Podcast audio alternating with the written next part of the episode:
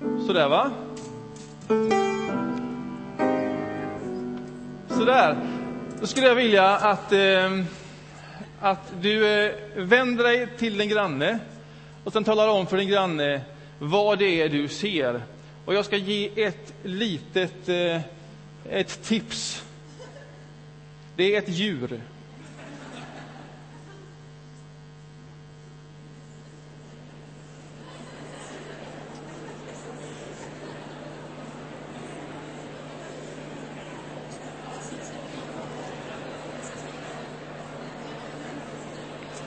Ja, jag tror jag nöjer mig där. Alltså, det är inget svårt djur, så ni behöver inte mer tid än så.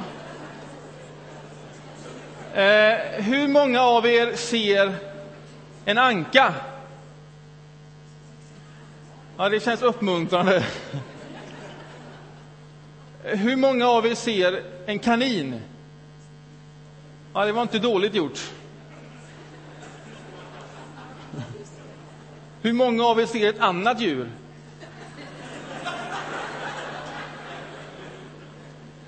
Ja, men det är helt okej. Okay. Bara det är flera olika djur vi ser och inte ett djur. Så är det, va? Alltså, eh, i min värld så är det åtminstone två djur. Är det fler djur så är det bara positivt. Men det skulle kunna vara en kanin va? med nosen här. Om en kanin nu har en nos, ett öga och öron.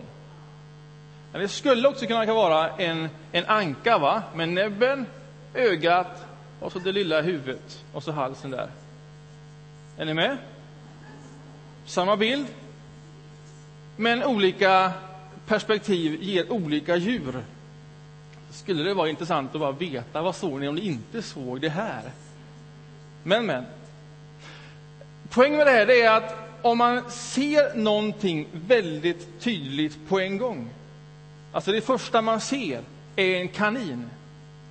Om hjärnan ställer in sig på det, då är det inte så enkelt att sen se någonting annat. Eller om man först ser en anka, eller noshörning, eller vad det nu är man har sett. Så är det inte så enkelt för hjärnan att sen ställa in sig på att den också föreställer någonting annat. För att få hjälp att se det andra så behöver man ibland någon som sätter ord på det och säger från det här perspektivet är det detta och från det perspektivet då är det någonting annat. Jag ska måla en sak till.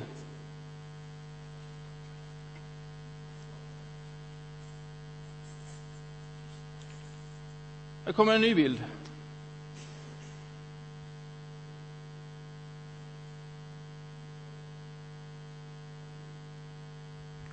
Vad är det? Nu vågar ingen svara. En noshörning. Det här är ett kors. Det är inte svårare än så. Och med ett sånt här kors och vad det symboliserar och vad det står för så är det precis samma sak som med den tidigare bilden. Att om man står på det här hållet så betyder korset just det här. Men om man står från ett annat håll så kan samma kors och samma drama betyda just det här. Och om det vill jag säga någonting idag. Det finns flera perspektiv utifrån samma drama och samma kors. Och kors är en central symbol i kristen tro. Det här korset, om jag skulle ber och samtalar med varandra om alltså, vad ser ni i det här, så skulle förmodligen ord komma upp som försoning, som att Jesus har dött för våra synder, som att det har med frälsning att göra, som att det har med relationen med Gud att göra. Den typen av associationer av ord skulle komma, tror jag, i det här rummet. Och allt det där är rätt centralt om det handlar korset. Men det finns fler perspektiv än så. Och ett av de perspektiven vill Markus göra oss uppmärksam på i den texten som vi ska läsa idag. Det är ett perspektiv utifrån korset som är, ja man måste säga ett radikalt annorlunda perspektiv som fångas i citatet, men så är det inte hos er. Innan vi läser texten så vill jag också påminna om ett tidigare citat. En fråga av Jesus där han frågar, och vem säger ni att jag är? Och när Jesus ställde den frågan så svarade de lärjungarna lite vad alla folk säger att vem han kan vara. Och sen ställer han frågan igen, men ni, vem säger ni att jag är? Så kommer frågan väldigt nära och väldigt personligt och en av dem säger, ja, du är Messias. Och när det händer, när någon av dem bekänner, när någon av dem relaterar till Jesus personligt och har fått upp ögonen för vem han är, där sker ett skifte i hur Markus berättar sitt evangelium. Det finns ett före och ett efter det. När den relationen är etablerad personligt med en människa, därifrån och framåt börjar Jesus berätta om sin död och uppståndelse. Det hade han inte gjort förut. Det kommer precis efter den bekännelsen, så kommer de här berättelserna. Och jag tänker mig att vad han gör då, det är att han laddar dem med bilder och ord och begrepp för att de sen ska kunna förstå vad som händer när det händer, det som händer på ett kors. Då har de några olika perspektiv att förstå det igenom. Markus evangelium kapitel 10. Markus evangelium kapitel 10 och vi kan läsa ett längre stycke ifrån vers 32. Och du har sidan här på skärmarna om du har en röd bibel.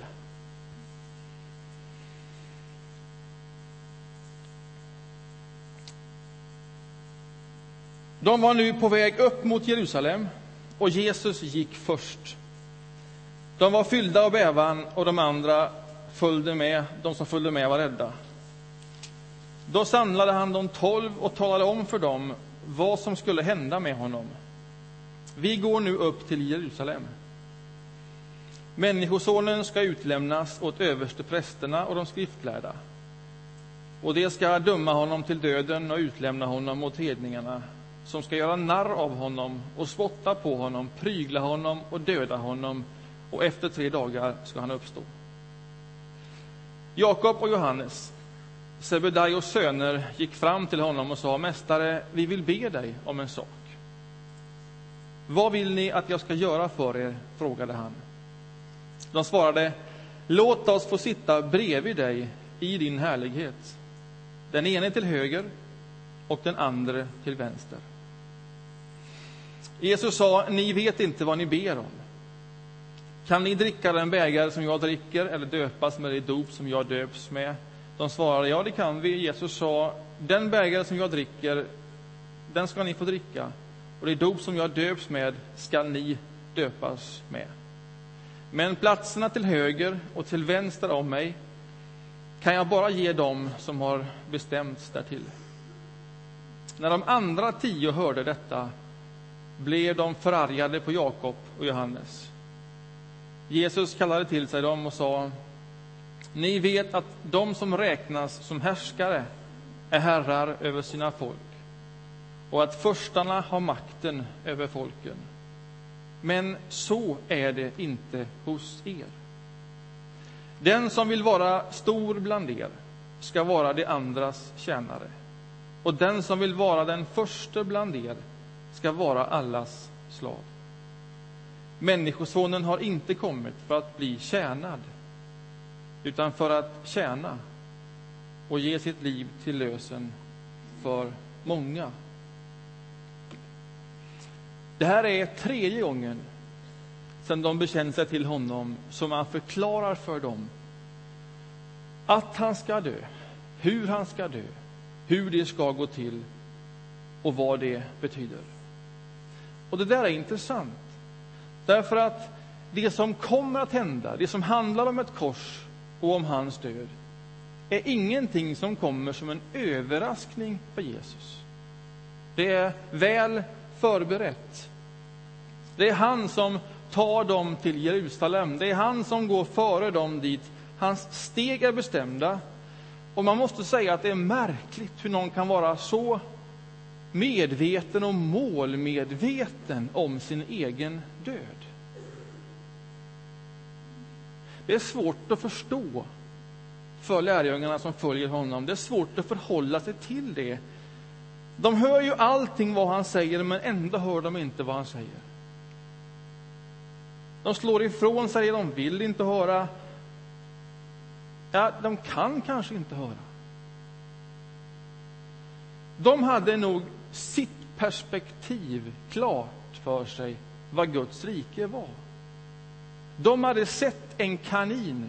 Och när man har sett en kanin, då är det inte alldeles enkelt att se någonting annat ur samma bild. De hade sin bestämda bild av hur Guds rike ser ut. Och det stämde inte alls med vad det Jesus säger till dem nu för tredje gången. Det är om död och kors. Men om man vill förstå vad kristen tro är så kan man inte gå förbi detta. I kristen tro är Jesu död och kors central. Absolut central. Det är till och med så att korset, ja man kan nog kalla det för en höjdpunkt i det uppdrag som Jesus gick in i här på jorden. Alltså den medvetenhet och målmedvetenhet som Jesus visar kring sin egen död på korset, det gör att man inte bara enkelt kan gå förbi den och sen koncentrera sig på det verkligt viktiga, det vill säga att han lever och har vunnit seger. Alltså att korset, det är en station att bara passera. Och när det är passerat, ja men då kan vi glömma det. Det skulle bara igenom. På andra sidan, segern, uppståndelsen, att han lever, det är det som är grejen. Och visst är det grejen. Men att förvandla korset till bara en station att passera, det vore att förminska det som skedde där det vore att läsa det ur ett perspektiv bara och inte ur ett annat. Det där korset, eller det där korset som vi möts av varje gång vi firar gudstjänst, som står här stort bakom oss som en central symbol för allas blickfång, det berättar om en radikalt annorlunda väg. Ett perspektiv är naturligtvis det jag sa förut. Det här korset, det berättar om hur Jesus dör för våra synder. Det här är en plats som skapar en möjlig försoning och relation mellan Gud och människa igen. Det perspektivet vill jag på inget sätt förminska. Jag bejakar det, vi sjunger om det, vi sjunger ofta om det och vi ska göra det. Men om vi ska tala om det här korset utifrån just den här texten, som vi har löst just den här söndagen, då är det ett annat perspektiv som Markus vill lyfta fram. Och det är det jag gör nu. I det perspektivet är han inte ute så mycket om vad som händer i oss genom detta dramat. Han är mer upptagen upptagen av vad som kan hända mellan oss om vi går den här vägen. Är ni med på den skillnaden?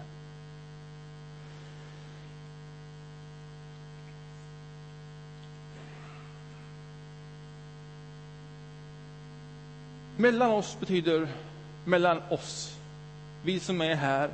Men det betyder i stort mellan alla människor, mellan alla samhällen.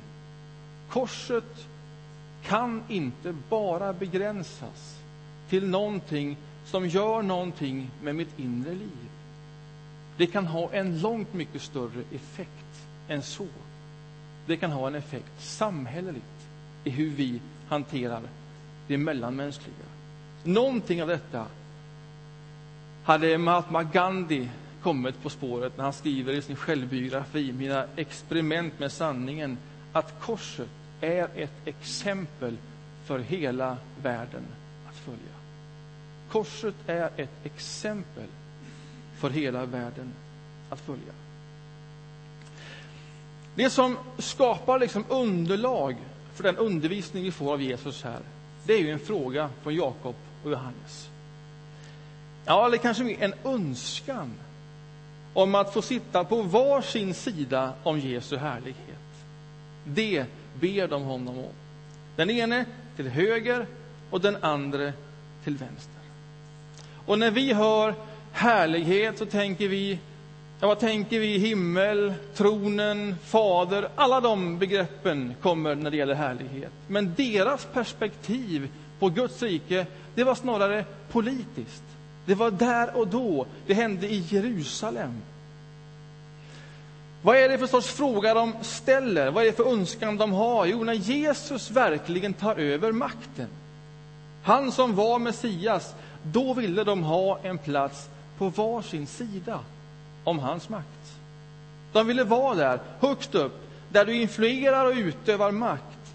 De tänkte sig nog en stegrande resa tillsammans med Jesus in i Jerusalem, in i politiken, in där det hände.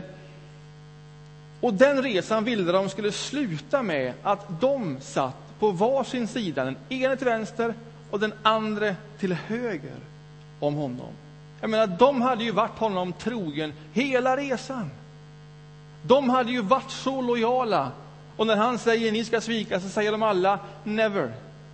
Vi sviker inte. Vi är med. Och vad är det för fråga? Ja, jag hör någon sorts payback-fråga i detta. Vad vinner vi på detta? Något måste ju vinna. Vad blir liksom, vad, vad händer? Ja, kanske kan vi få sitta där, där, där det händer. Och så ställer de den frågan. Vad vinner vi på detta? Ha kvar den bilden. Ha kvar den bilden. Och så lägger du till en annan bild. Därför att några kapitel senare förmedlar Markus en bild som är väldigt lik den bilden, men ändå helt olik. Det är en berättelse om hur Jesus rider in i Jerusalem, in i politikens och maktens område men hur den resan inte blir stegrande, utan som en nedåtgående resa. Och hur den resan når sin kulmen på ett kors.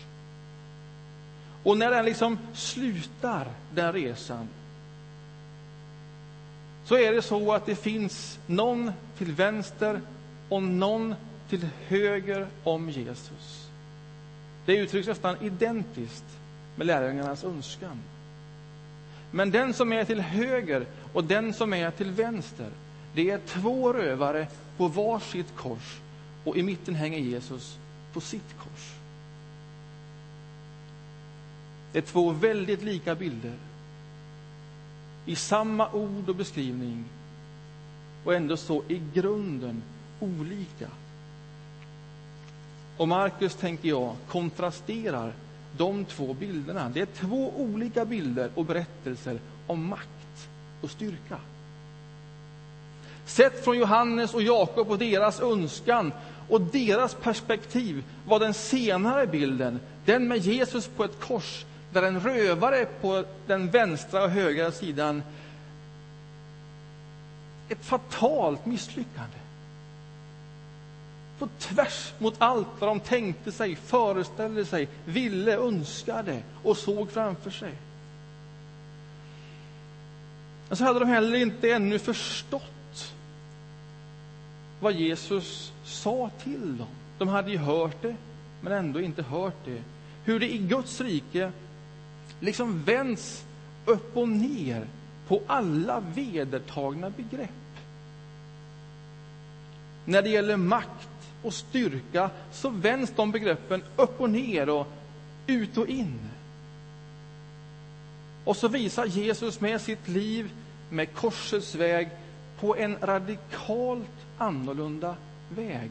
Det som i deras perspektiv aldrig kunde stå för makt, styrka, att vara den första, främste, vinna, utan någonting precis tvärt emot. Korsets väg är en radikalt annorlunda väg.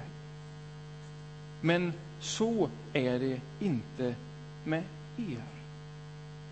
Alltså, korset tycks inte bara vara en väg för Jesus att gå. Vi ska också döpas med ett dop som hans. Och i det här perspektivet av korset, där har du det verkliga och det radikala annorlundaskapet i kristen tro. När de andra nu lärjungarna, de tio, hör vad Johannes och Jakob har bett om så skapar det naturligtvis avundsjuka och irritation. Vem tror de att de är? Och varför just de och inte vi? Ja, men de hade ju också varit lika lojala och trogna. De skulle väl också vara där i den resan, liksom de var där, om de nu skulle vara där. Alla de känslorna föder de konventionella orden och vägarna när man talar om makt och begrepp. När vi med mänskliga perspektiv ska ställa i ordning till rätta en värld, ett samhälle. Men korset utmanar, lyssna här, all mänsklig ära och stolthet. Det säger jag igen. Korset utmanar all mänsklig ära och stolthet. Jesus visar på en väg, ja, den enda vägen som kan ställa allt till ordning i en värld av kaos. Det är en väg där den som vill vara stor är den andres tjänare. Det är en väg där den som vill vara den förste ska vara allas slav. Det här är Jesu ord. Och så säger han, alltså ni vet ju att de som, och det är ju intressant uttryckt, räknas som härskare och förstar. Alltså de som vi, med vårt perspektiv, från det sättet, när vi använder ord som styrka och makt, de som då räknas som härskare och förstar. Ja, men de är herrar över sina folk och de har makten över sina folk. Men så är det inte med er. Och så kommer det fantastiska ordet Människosonen. Och så talar han om sig själv. Igen, om sin väg och sin död har inte kommit för att bli betjänad, utan för att tjäna. För att ge sitt liv till lösen för många. Det där är starka ord. Allt det här hörde lärjungarna. Alla de här orden och begreppen tog de emot utan att ta emot. Hörde utan att höra. Kanske hade de sett sitt perspektiv av riket så starkt att det av det skälet var svårt att se ett annat genom ett och samma drama. Man skulle kunna uttrycka det så här. De ville ha Jesus, men utan ett kors. De ville ha Jesus, men utan ett kors. Och jag undrar om inte det är en fråga som fortfarande behöver ställas. Om vi vill ha Jesus och det han vi vill ge, men utan ett kors. Eller möjligen ett kors som en symbol för det Jesus har gjort för mitt inre liv. Men ett kors som påverkar min omgivning, hela mitt liv, hur jag förhåller mig till andra, som min egen väg att gå. Vill vi ha Jesus utan ett kors?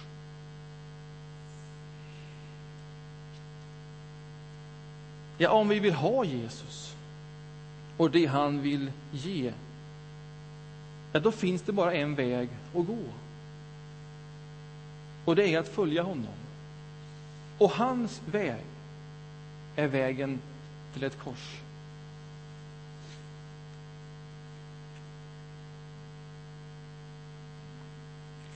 Det handlar om vad det dramat gör i oss och lika mycket om den vägen och hur den vägen gör någonting mellan oss om vi går den vägen.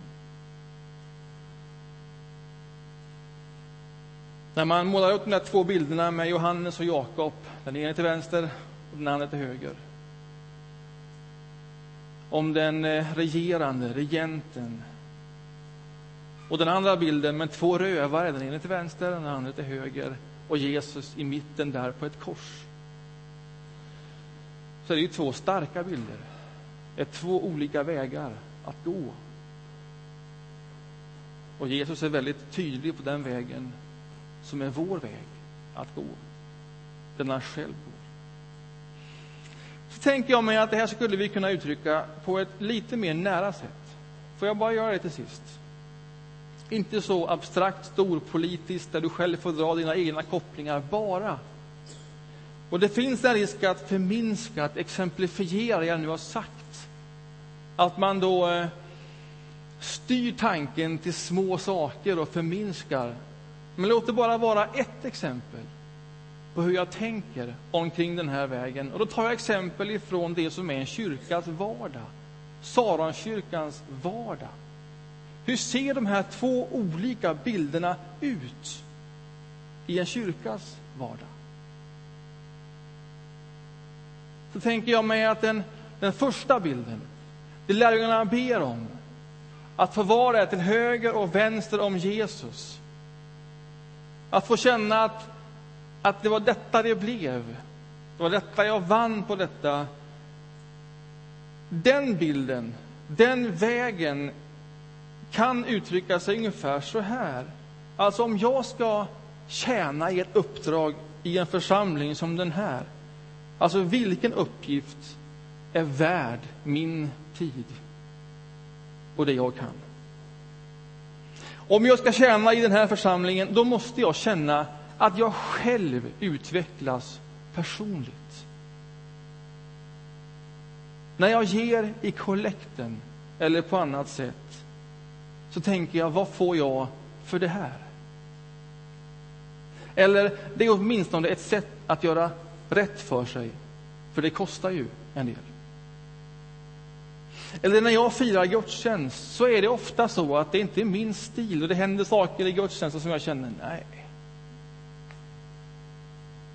Och jag gillar inte den här upprepade lovsången eller jag gillar inte när det är för stolpigt på orgeln. Och jag uttrycker det med min kroppshållning. Man kan liksom se det på mig. Jag vet det. Och jag tänker att bara, bara jag är tydlig nog så med, med tiden så sker någon form av förändring.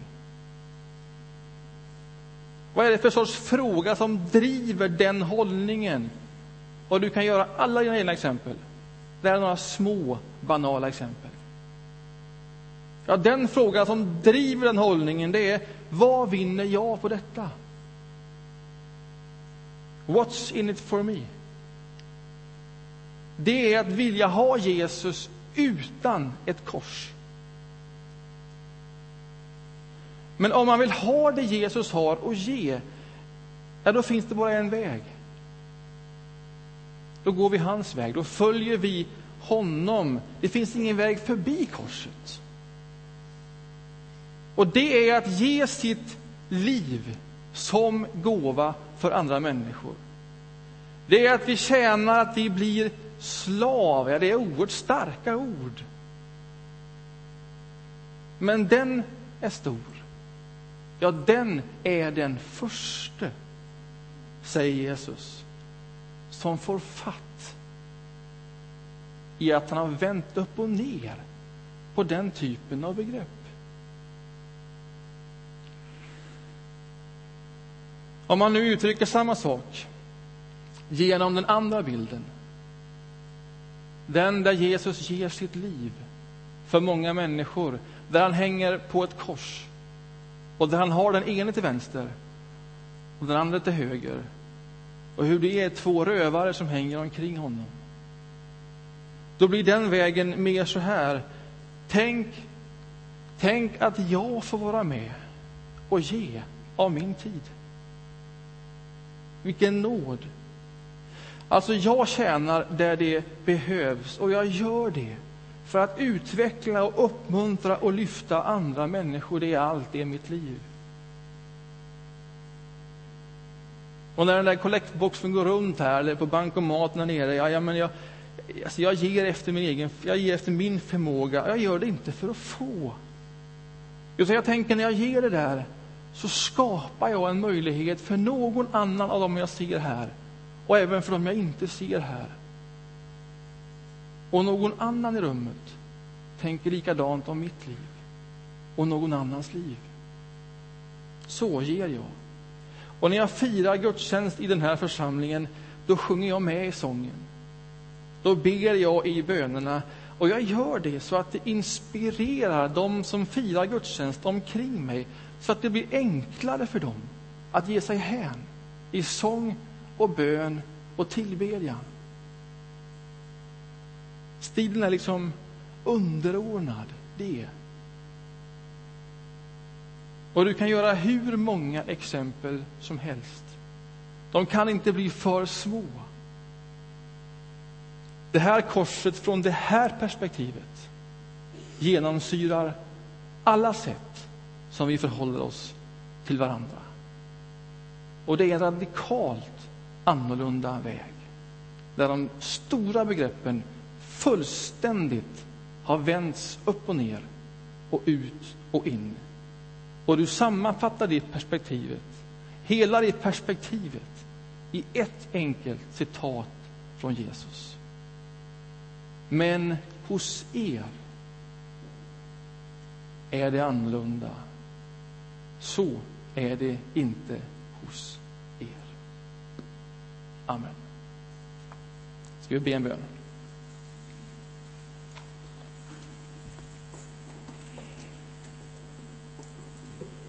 Jesus, tack för det du lär oss, det du berättar oss, de ord och bilder och begrepp du ger omkring det här dramat, din egen död. Jag ber för mig, jag ber för oss, att inte förenkla det. Att ta emot de olika perspektiven. Att ta emot förlåtelsen av synd. Att ta emot den försoning som är möjliggjord genom ditt kors och din död. Men så ber jag också för det andra perspektivet och perspektiven. Att inte bara få se det som någonting att passera utan att få upp ögonen för korset som vägen att gå. Som den annorlunda vägen, som den radikala vägen som vänder upp och ner på så mycket som är så invant och givet hos oss. Herre, jag vill följa dig och gå din väg. Ge mig och oss det modet. Amen.